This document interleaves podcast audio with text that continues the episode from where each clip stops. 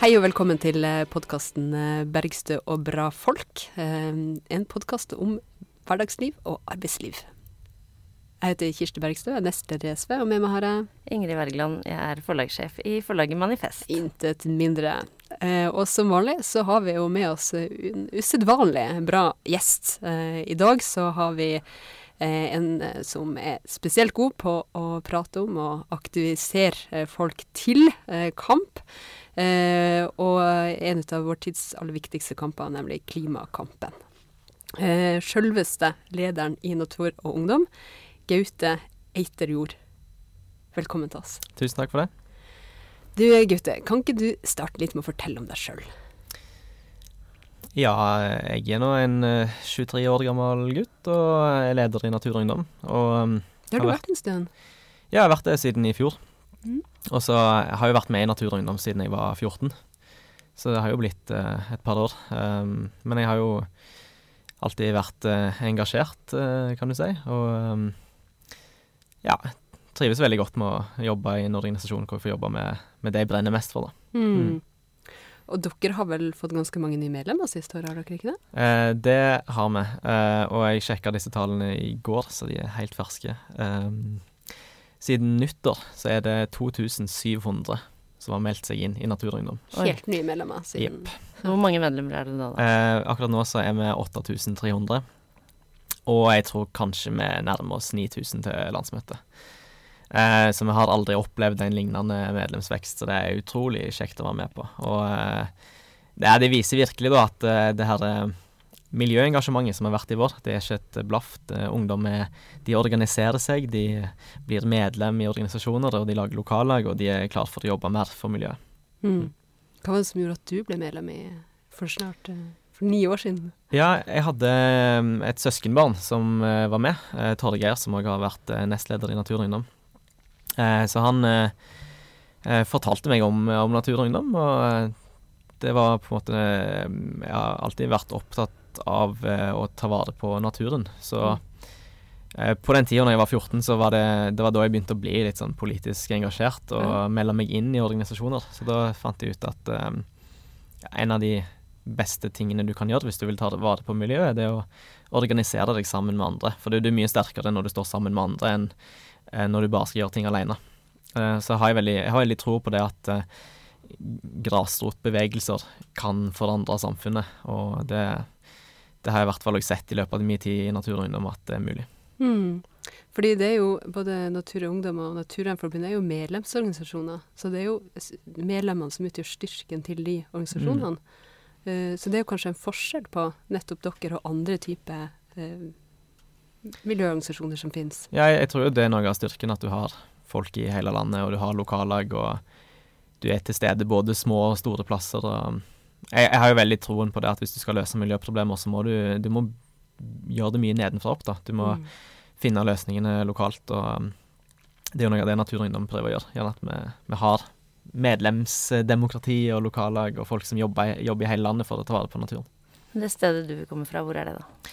Jeg kommer fra Stavanger, så det var jo Det er jo mange som lurer på om det liksom er litt sånn unaturlig for eh, en gutt fra en oljeby å engasjere seg så mye for klimaet, men eh, for meg har egentlig det vært en sånn ekstra grunn til å være opptatt av miljø, fordi eh, Særlig når du kommer fra en plass, eh, en by som har så mange arbeidsplasser i olja, så, så bør du være ekstra opptatt av at vi skal omstille oss, fordi vi, vi, vi, må, vi har egentlig mest å tjene på at vi finner nye ting å jobbe, av, jobbe med etter olja. Mm, hva tenker du på da?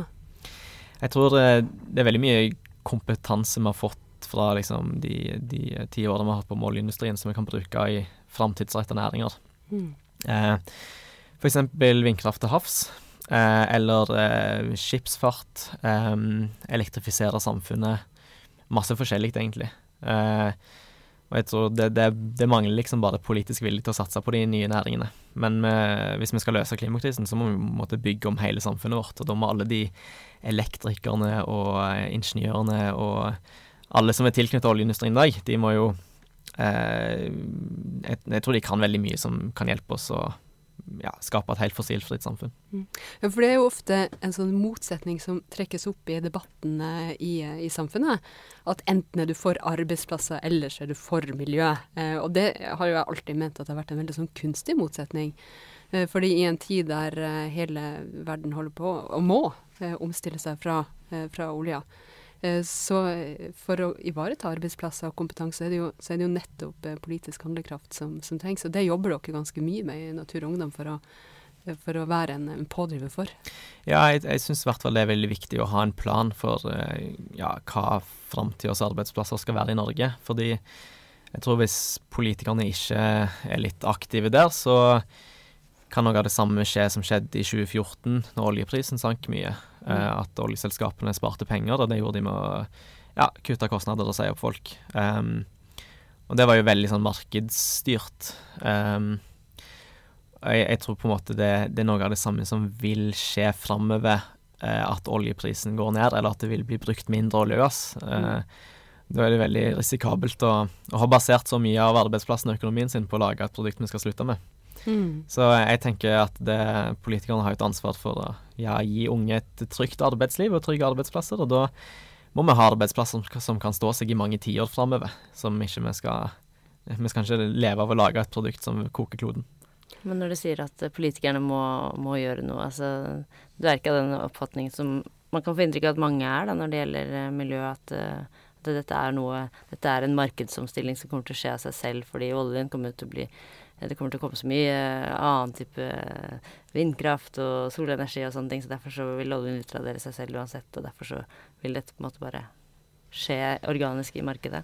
Um, jeg, jeg, tror på en måte politikerne òg må være med, for jeg tror ikke markedet får det til helt alene. Selv om det på en måte skjer jo ting der òg. Altså, du ser at liksom, det flyttes mer penger fra fossil energi til fornybar energi. og, og mange bedrifter er jo av og til mer ambisiøse enn politikere. Men Likevel så er det veldig mye penger i eh, olje og gass i dag, og jeg tror du trenger en sånn plan for hvordan det skal utfases på en god måte. Og da tenker jeg at Et av de viktigste tingene politikerne i Norge kan gjøre, det er å ikke gi flere tillatelser til å lete etter olje. Mm. Fordi da sier du at vi, vi, har funnet nok, og det har vi jo hvis vi skal lytte til klimaforskerne. Vi har funnet mer olje og gass enn vi noensinne kan bruke, med mindre vi har lyst til å koke kloden, og det har vi ikke lyst til. Så hvis vi sier nei til mer leiting, og sier at nå skal vi eh, bygge opp nye arbeidsplasser, og kombinert med det trappe ned aktiviteten på eksisterende felt, eh, det, det, tror jeg liksom er det eneste fornuftige å gjøre hvis vi både skal ha arbeidsplasser og et eh, klima som det går an å leve av i framtida. Mm, hvis man tar det gradvis eh, ja. med en plan, og ikke overlater til, til markedskreftene. Ja. Mm. Det, er jo derfor det, i hvert fall fra, SV sin side, er viktig å tenke rødt i en grønn omstilling. Eh, fordi når både forskjellene øker og utslippene eh, øker, eh, så er det jo fort at, at, det blir svingninger som gjør at folk blir stående uten jobb, at arbeidslivet blir mindre trygt, uten at man får gjort noe med problemene. og Derfor så er det jo utrolig godt å høre at, at um, at man er mange som trekker i samme retning, og som uh, vil gjøre noe med det. Fordi det, vi ser jo at vi har jo hatt den varmeste juli-måneden bak oss noen gang.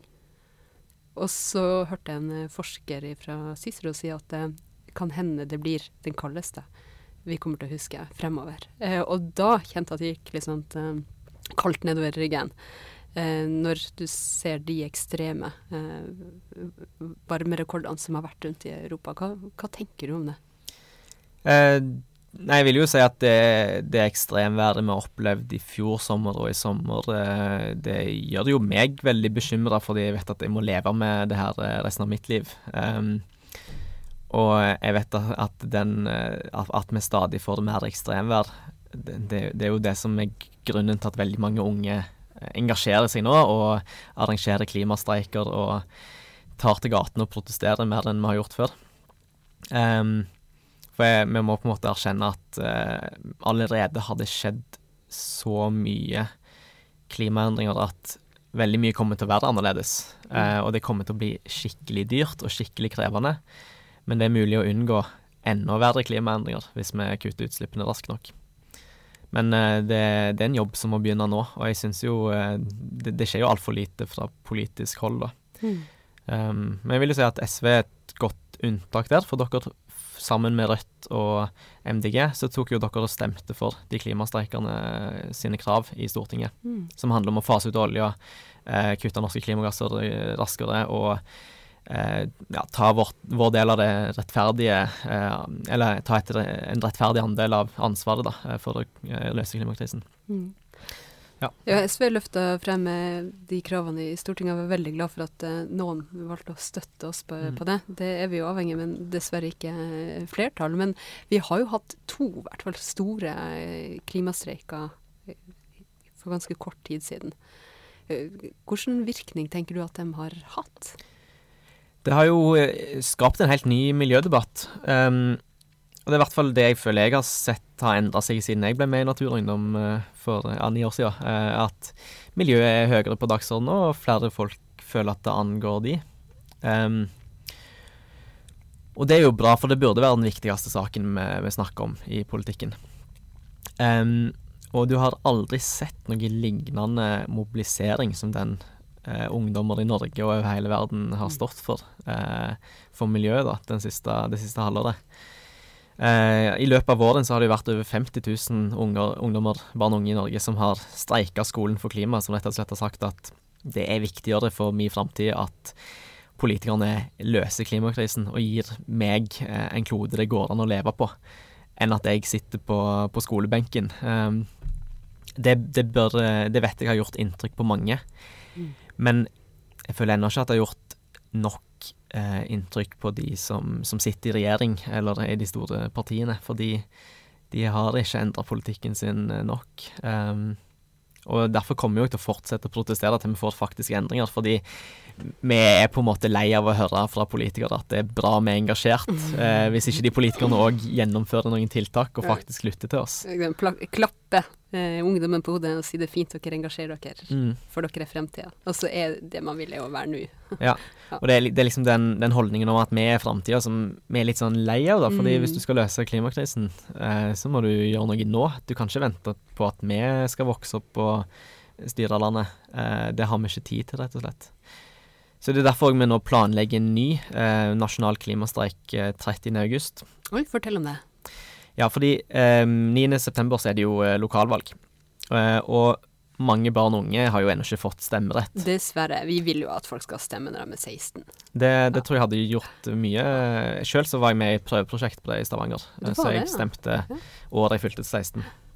Jeg følte i hvert fall at de jeg gikk på skole med, ble mer engasjert i politikk Mm. eh, som følge av det. Det var for så vidt òg i 2011, så det var rett etter 22. Ja, og sånt, så folk var jo veldig opptatt av politikk da. Men, men for min del så syns jeg var veldig mm, Det føltes rett å kunne være med å påvirke framtida mi, fordi de som velges inn i kommunestyrene og fylkestingene, de tar veldig mange avgjørelser som får mye å si for min framtid. Det er de som bestemmer om hvor mye det skal koste å reise med kollektivtransport, eller om kommunen skal bygge ned natur og matjord, eller om eh, ferjene i fylket skal gå på strøm eller fossilt drivstoff. Um, Så er det jo en måte å utvide demokratiet på. Mm, det er jo være et mål. Eh, men liksom sånn fordi det er så mange barn og unge da som ikke har den samme måten å si fra når de er misfornøyde, som de voksne har, gjennom å stemme, uh, eller å kreve endring, da. Så, så har vi valgt å mobilisere til en ny nasjonal klimastreik 30.8, før lokalvalget. Fordi det har blitt barn og unge må, sin måte å si fra på. At vi er lei av at politikerne snakker veldig mye om klimakrisen, men ikke gjør nok for å ta, ta og løse den. Eh, og jeg tror det er mulig å løfte miljøet til å bli den viktigste saken i valgkampen på den måten. For vi har sett at I f.eks. Danmark så ble miljø den viktigste saken i valgkampen, bl.a. som følge av disse klimastreikene. Og det skjedde òg i valget til EU-parlamentet. Uh, og jeg tror det er uh, veldig mange velgere nå som, som vil det skal skje mer for miljøet, og at de partiene som ja, fører en mer eh, ambisiøs miljøpolitikk, har mye å tjene på det, egentlig. Det er dere, men det er også flere organisasjoner som står bak. Mm. Det er Natur og Ungdom, eh, Changemaker, Spire og KFUK, KFUM Global, som er liksom ungdomsorganisasjonene. Og så er jo òg skolestreikbevegelsen en litt sånn laust organisert bevegelse eh, av enkeltpersoner og altså enkeltungdommer som vil det skal skje mer. Så um, det er jo det som er så utrolig kjekt med den, at det er veldig sånn spontant spontan grasrotaktivisme. Mm. Og faktisk fremdeles får vi høre om klimastreiker som var i vår, som vi ikke hadde fått med oss. Sier du det? Ja, ja. Ja. Jeg liksom hørte om eh, en eh, i Mehamn, faktisk. Der hadde det vært en klimastreik. Og eh, mange, liksom de små og minste plassene har liksom eh, elever eh, arrangert klimastreiker. Og de har, de har liksom gjort det på helt eget initiativ, da. Det, det er kjempekult. Jeg så noen veldig fine bilder fra Honningsvåg, for Mm. Og det Ja. var jo skitvær den dagen, og ja, folk gikk der, ungdommen gikk der med plakater og sa ifra. Det Det, er sterkt. det er så utrolig gøy. Og liksom, du, har, du har liksom de skikkelig store streikene liksom, i storbyene. Mm. Eh, men så har du liksom også sånn I eh, Vadsø i mai da, så var det liksom én elev som satt og streika. Ja. Men, eh, men Den heier vi på. Vi Ja, jeg heier på han, altså. Fordi du, du ser jo liksom Greta Thunberg var jo bare én person når hun starta med disse klimastreikene i Sverige. Mm. Eh, og det gjør inntrykk. eh, så det eneste som mangler, er at politikerne lytter mer. Men fortell om de konkrete kravene dere stiller. Eh, ja, de, de kravene vi har hatt til, til regjeringen, er at eh, for det første må vi slutte å lete etter olje. Eh, som jeg var litt inne på, så har vi funnet mer olje og gass enn vi kan bruke. og eh, jeg syns det er ganske flaut at vi f.eks. har en regjering da, som i, i 2019 skryter av å sette rekord i oljeleting. Det burde være helt umulig å gjøre. Um, så vi må slutte å lete olje og gass, vi må ha nye klimajobber. Uh, og så mener vi at vi må uh, kutte mer klimagasser i Norge. Fordi Norge er jo et av landene i Europa som har økt utslippene sine siden 1990. Selv om alle forskerne har sagt at det haster å kutte de. Så vi mener at vi må mer enn halvere de norske utslippene innen 2030. Det er det FNs klimapanel sier vi må, vi må for å unngå de verste klimaendringene. Og så mener vi òg at eh, norske Altså Norge må ta mer ansvar internasjonalt eh, gjennom å gi mer eh, finansiering til klimatiltak og klimatilpasning i det globale sør. Fordi det er jo eh, veldig mange land i, i verden som har eh, historisk mye mindre ansvar for å ha skapt klimakrisen enn Mm. det vi i Norge har, f.eks. Eh, innbyggere i Bangladesh eh, har et eh, forbruk som er mye mindre enn oss, og historisk har de sluppet ut mye mindre klimagasser enn oss, men de får ikke den samme muligheten som vi har hatt til å bruke masse olje og kull og gass til å, til å skape velstand. Da. Så hvis vi skal gi folk i det globale sør muligheten til å ha gode liv, og ha de, den velferden vi tar for gitt, så må òg vi eh, hjelpe de gjennom ja, penger og finansiering og, og, og teknologioverføring. Um, sånn at de kan både ha velferd og klima, og le ha liksom klimavennlig eh, energi og, og ja, um, rett og slett ikke ødelegge kloden på den måten som vi i den vestlige verden har gjort. da. Mm. Men hvis jeg kjøper en bukse som er sydd i Bangladesh, blir det da registrert eh, Når man måler utslipp og sånn, registreres det da som et utslipp i Bangladesh, da? Ja. Eller produksjonen av den vil jo være det. Ja. Det er jo òg et poeng at vi kjøper veldig mye ting som er produsert i andre land. Så Eh, da, mm. da har jeg som Eller mitt liksom tilsynelatende karbonavtrykk er egentlig ganske lite, men det er en innbygger i Bangladesh som, som får skylda. Ja, eller det, hvis du skulle på en måte tatt med de utslippene som kommer fra å lage ting i andre land, som vi bruker, så vil jo det norske utslippet være enda høyere. Så eh, det er jo, ja, en del av denne klimadebatten at vi må, vi må ha det solidaritetsperspektivet med oss òg. At eh, det er folk i andre land som betaler prisen for vår utslippsfest. og i Norge så har vi jo til en viss grad midlene til å tilpasse oss klimaendringer. Eh, Når vi har en tørkesommer i fjor, eller i i 2018, da det var tørkesommer, så kunne vi kompensere bønder for den, de avlingene de hadde mista. Men det er jo virkelig ikke tilfellet i veldig mange land i det globale sør, eh, som opplever enda sterkere ekstremvær enn det vi gjør i Norge. Men den måten å registrere utslipp på gjør det jo enda mer absurd at Norges utslipp har økt. Mm, Jepp, det, det er helt sant. Og hvis du på en måte ser på utslipp per innbygger, så er jo Norge virkelig i verdenstoppen. Det er liksom bare ja, sånn Qatar og USA som jeg tror det har høyere utslipp per innbygger. Mm. Og det er ingen grunn til at det er ingen spesiell grunn til at det må være sånn i Norge. Hvis du sammenligner utslipp per innbygger i, i Norge og i Sverige, så har ja, en svensk eh, gjennomsnittsperson halvparten av utslippene som en gjennomsnittlig person i Norge. Hva kommer det av? Ja, det var det jeg sa. Ja, nei eh, Alt er mye bedre det- i Sverige. Det kommer alltid tilbake til det. det, det korte svaret er olje- og gassproduksjon. I Norge har vi en svær olje- og gassnæring som er hovedårsaken til at utslippene våre har vokst. Um, men òg når du, hvis du på en måte tar vekk utslippene fra olje og gass, og sammenligner en svensk og en norsk innbygger, så er det likevel lavere. Og det skyldes at Sverige har vært bedre på å ja, spare energi og, og, bruke fornybar energi og um, Er det bedre kollektivtransport? De har òg uh, mye bedre togtilbud. Mm. De satser jo mer på å bygge ut høyhastighetstog enn å utvide flyplasser, sånn som vi gjør i Norge. Mm. Det burde vi også mm. gjort. Yeah. Men, men, 30. Eh, august, det er jo veldig nærme lokalvalget, eh, som du sa. Um, er det noen krav som fremmes da som er retta mot de som stiller til valg mm. uh, på, på, valgdagen, som, som uh, man kan stille opp for i Mehamn og Honningsvåg og mm. de andre plassene folk uh, samles? Ja, i og med at det er lokalvalg, så er jo fokuset vårt på at politikerne som skal velges inn i, i kommune- og fylkesting, de må eh, gjøre det mer for miljøet lokalt. Um, og de kan gjøre masse. De kan uh, bruke offentlig innkjøpsmakt til å ja, Kommunene kan kjøpe en mer miljøvennlige tjenester. De kan uh, få ut fossil energi som oppvarming i bygg. De kan satse på bedre sykkel- og gangetilrettelegging, kollektivtransport. Masse ting de kan gjøre. Mm. Uh, og, og, det tenker jeg Ja, det skal vi jobbe med å løfte da, i lokalvalget. For det er jo en liten, det er jo eh, en liten stund mellom 30. Eh, august og selve valgdagen. Så da har jo medlemmene i Natur og Ungdom en anledning etter eh, den store eh, klimademonstrasjonen, mm. som jeg håper det blir den 30., til å utfordre dem som stiller til valg lokalt. Mm. Og det, det, kommer vi til å gjøre. Og det er jo en del kommuner og fylker som har erklært en sånn erklært klimakrise. Mm. Men det er ikke så mange av de kommunene som faktisk har vedtatt tiltak for å følge det opp. Mm. Eh, lokalt så har mange politikere vært mer opptatt av å diskutere bompenger i det siste. Og eh, jeg syns det, det, er mange politikere som må, må, må ta seg i nakken altså, og få snakka mer om miljø og hva de skal gjøre nå. For det, de snakker veldig mye om at eh, de skal lytte til ungdommen, men det gjør de først når de kommer med faktiske tiltak. Mm. Dere har eh, også annen, et annet eh, prosjekt på gang, nemlig som handler om fisk. Mm. Fortell om det. Ja, hvert eneste år så arrangerer vi noe vi kaller Fisk for framtida. Og det er Det er veldig bra at du sier fisk. Ja, ja. Det, det, det, må du.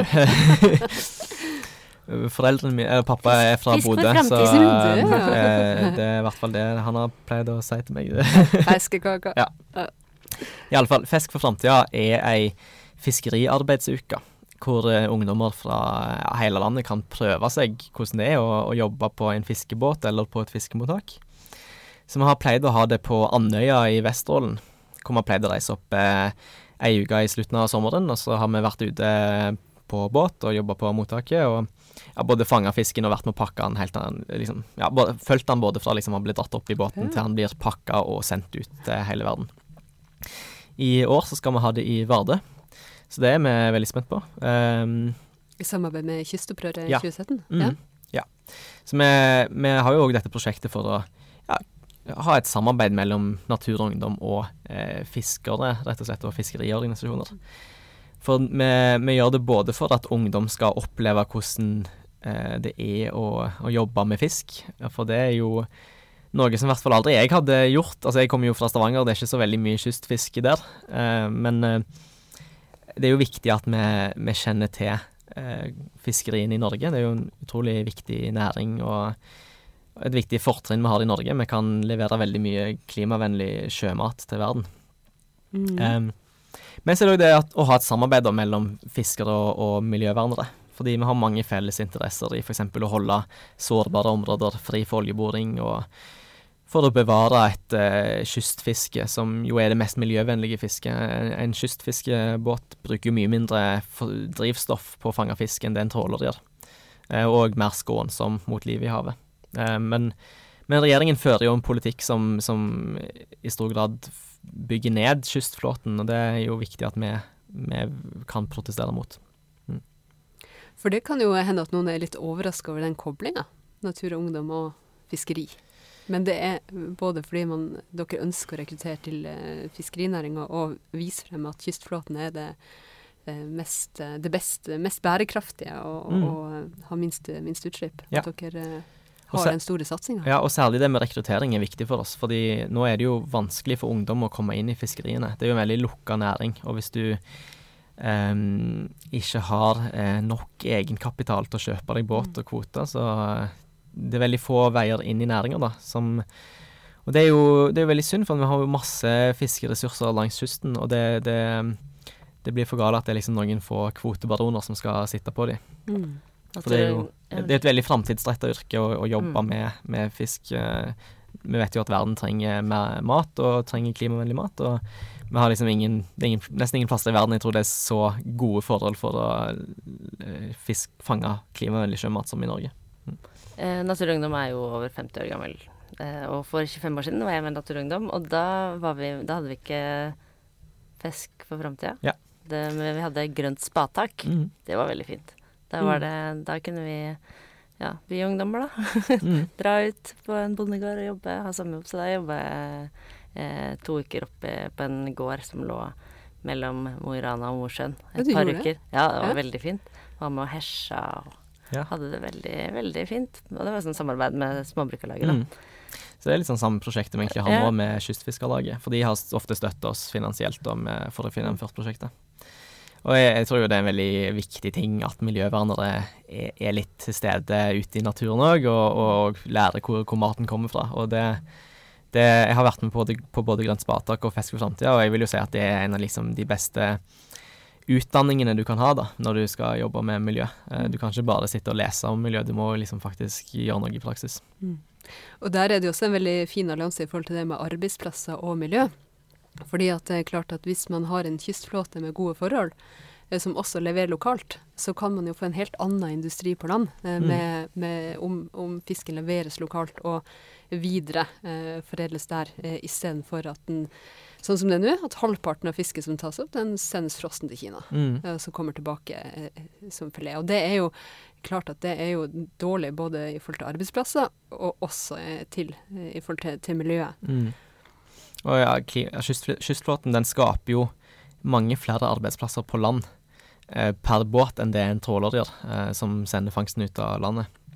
Så dette er jo Altså det å ta vare på kystflåten, det er liksom både Det er bra for miljøet, for distrikt, for arbeidsplasser. Det er, ja, det er en gullkombo, egentlig. Mm. Og så særlig en tid der eh, hierarkiet på, på havet Det er jo sånn at eh, olje- petroleumssektoren de har fått alle områdene de har pekt på. Eh, Oppdrettsnæringa har fått eh, altfor mange gode gode områder for, eh, for eh, kystfiske. Og legger mye skit igjen.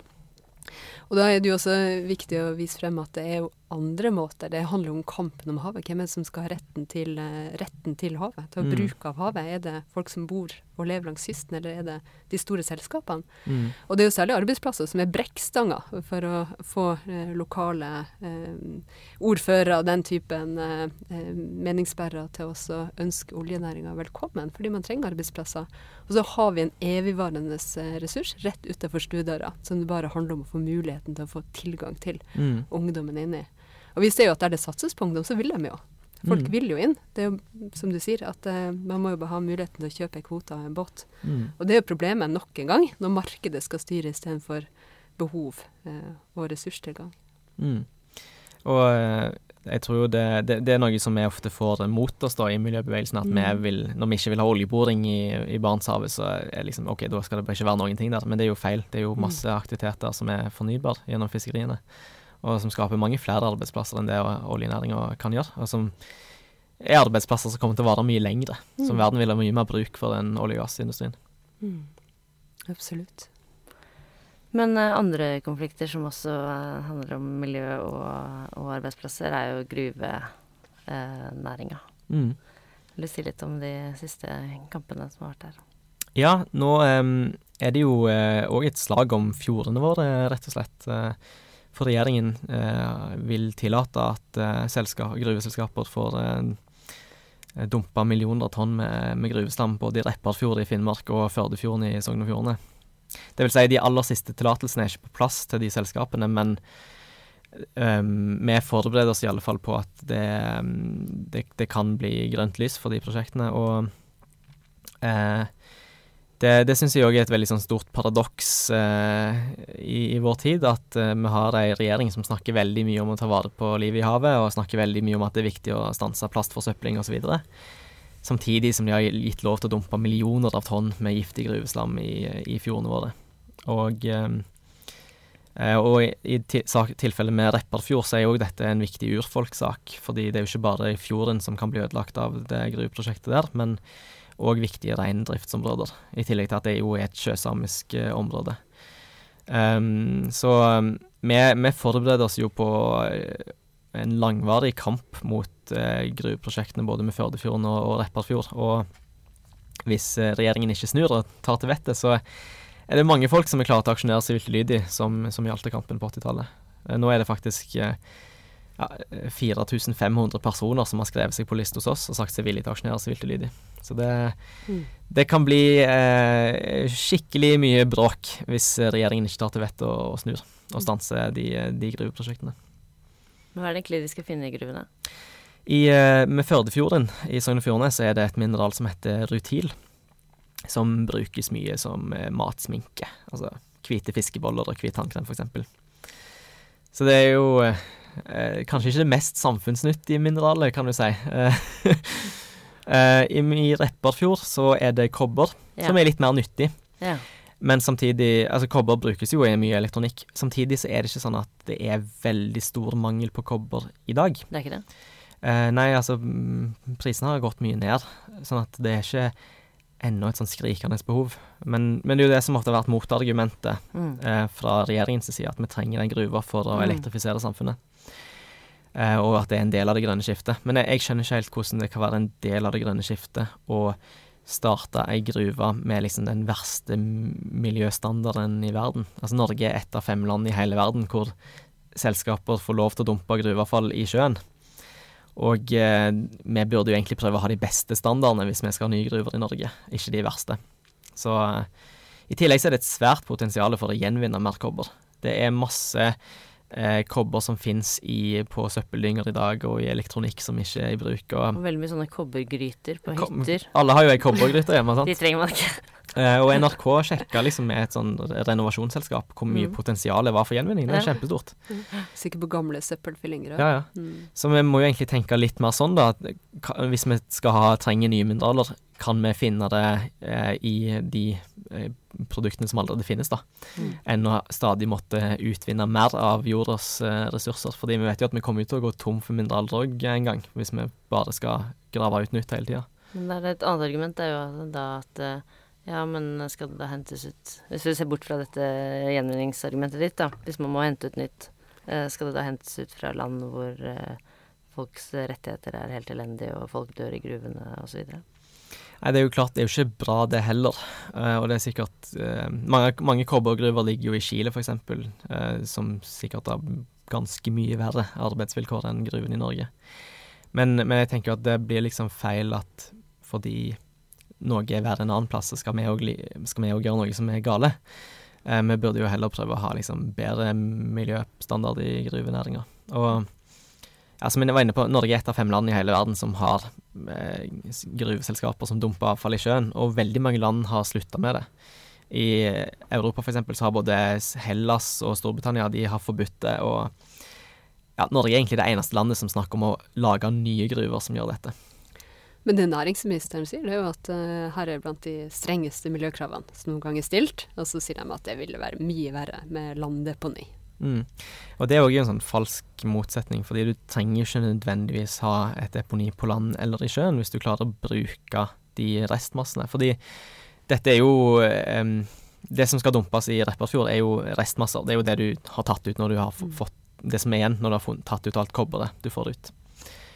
Men alle de massene er jo det er òg mulig å bruke til ting. Mm. Um, Men er det ikke gift Det finnes jo prosesser for å hva skal jeg si, gjøre det mindre giftig. Okay. Å på en måte isolere det. Du kan lage murstein og teglstein og um, mye forskjellig, egentlig. Oh, ja. Asfalt.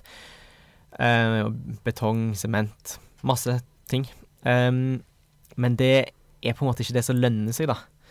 Og heller ikke det som selskapet Nussir har sett særlig mye på. Eh, og så kan òg fylle avfall tilbake i gruvegangene, men det har de òg vurdert som for dyrt. Men de har heller ikke brukt så mye tid på å vurdere det. Det er derfor jeg syns det er et dårlig mm. industrielt prosjekt òg. For hvis du først skal ta ut uh, mye, eh, så må du bruke det du tar ut, og tenke mm. industri i hele, hele ressursen. Mm. Uh, men akkurat, og akkurat der er det jo veldig spesielle havstrømmer. Ja. Eh, så det vil jo få alvorlige konsekvenser for en nasjonal laksefjord å Mm. dumpe eh, gruveavfallet i den. Ja, Hvis du hiver det på bunnen av fjorden, så vil du aldri få tak i de ressursene igjen. Og så vil du i tillegg ha ødelagt den fjorden. og ja, Havforskningsinstituttet mener jo at partiklene kan spre seg langt ut, kanskje liksom langt ut til Hammerfest fra Repparfjord. Eh, Så fiskeri og, og oppdrettsnæringen i området vil bli virkelig og, ja, de vil bli hardt rammet av det. Men det er da jeg blir sittende sånn Ok, her har vi masse fagkompetanse, vi har ulike direktorater og forskningsinstitutter osv., og, så og så sitter likevel da på en måte ministeren da til slutt og på en måte bare cherrypicker det som de ønsker, da? Er det, er det sånn å forstå? Ja, jeg vil jo si det. Um, regjeringen de satser veldig mye liksom, på én næring. da. De vil satse mye på mineralnæringa, men de glemmer at liksom, det finnes andre folk i, med disse fjordene òg. Det finnes folk som lever av fiske, det finnes folk som lever av reindrift. og det er jo um, Jeg føler jo at næringsministeren er veldig mye bare sånn Han er én type næring sin minister. Han bryr seg ikke om de som driver med fiske eller reindrift. Mm. Det, det syns jeg blir veldig feil. Og I hvert fall i Repparfjord, som jo er et område som, hvor de som driver med reindrift, har opplevd veldig mange inngrep i beiteområdene sine. Det, altså det har vært kraftlinjebygging og hyttebygging og veier. og liksom Reindriftsarealene i Norge blir jo spist opp hele tiden Mm. av masse små inngrep. Det jo, Mm. vi må jo sette foten ned en gang og si at nå er det nok. Med, det er jo viktig å ha denne næringen, eh, og liksom for den samiske kulturen. Mm. Det er jo det. Det er jo kortsiktig profitt mot langsiktig produksjon, Mm. som er Ja. det store veivalget man står overfor. Ja. Det er jo det. Men du, Gaute, jeg lurer på en ting. Uh, du sier at kanskje man rekker å bli 9000 eh, frem mot landsmøtet. Tenk om dere blir 10 000. Ja, det hadde vært helt sykt. Det Hvis noen hører på det og tenker sånn han Gaute og Natur og Ungdom, det, det er, høres ut som en knakende god gjeng. Jeg har lyst til å være med der. Hvordan, hvordan kan man bli med der, da? Nei, du går på nettsida vår, nu.no, skråstrek medlem. Ja. Du deg. Er det så enkelt? Ja. Bare et lite trykk unna? Jepp. Ja. Ja, hvis du er over 26, da, som er vår øvre aldersgrense, så går det an å bli sånn NU-venn og støtte oss økonomisk. Og det kommer jo godt med, eh, for da får vi mulighet til å gjøre enda flere kule ting. Ja, nettopp. Men hva er den nedre aldersgrensen, da? Nei, det finnes ingen nedre aldersgrense, men for å delta på arrangementene våre, så må, våre, så må du ha fylt eh, 13. Ja, nettopp. ok. Ja. Fordi eh, noen av oss har jo ikke lov til å være med i Natur og Ungdom lenger. Så jeg, har meldt meg inn i Naturvernforbundet når jeg ikke fikk være med i Natur og Ungdom lenger. Ja, og det, det syns jeg er veldig viktig, at folk eh, fortsetter å engasjere seg etter de har passert aldersgrensa igjen nå. Um, F.eks. i Naturvernforbundet. Mm. Mm. Men uh, før vi runder av, så har vi jo et uh, fast spørsmål uh, som vi alltid stiller gjestene våre. Og det er hva var din første jobb? Eh, min første jobb det var på eh, Spanne plantesalg, som er et eh, plantesalg på ja, Spanne på Karmøy. Hvor jeg egentlig ja, gjorde mye forskjellig. det er onkelen min som driver det plantesalget, så det var mye sånn Gå rundt og gjødsle planter og bære ting og sette opp gjerder og ja, litt sånn forskjellig gårdsarbeid. Ja. Hvor Mm. gammel var du da? Jeg tror første gangen jeg jobbet der, så var jeg sånn 13-14. Men det var jo en veldig sånn grei sommerjobb å ha for å Mm. ha penger til ting. Ble du med i noen, noen eh, fagforening? Eh, Det var jeg ikke, men eh, ikke da. Etter hvert, kanskje. Men jeg er medlem i en fagforening nå, Så bra. og det syns jeg òg er viktig eh, å være. Så du gikk fra plante til å så frø for uh, framtidig eh, miljø. Ja, det Ja. kan du si. Det kan du si, og det er vi veldig glad for. Tusen takk for at eh, du kom til oss, Gaute, og lykke til eh, med den nye eh, store klimademonstrasjonen som eh, vi håper alle som hører på, vil støtte opp under. Tusen takk for det. Og så kan jeg jo nevne at eh, alle voksne er jo så klart velkomne på disse klimastreikene, selv om det er først og fremst elever som er i fokus. Men den 30. august skal det òg være et svært arrangement i Oslo og mange andre byer som heter Klimabrølet. Som starter Klimabrølet. Klimabrølet. Og det starter etter klimastreikene er ferdig. Og Da blir det masse appeller og konserter. og ja, Målet er å ja, jeg, jeg tror må, Målet vårt er jo at 30. august skal bli den største eh, miljøaksjonen i Norge noensinne. Og det tror jeg kan bli fett. Men skal man brøle?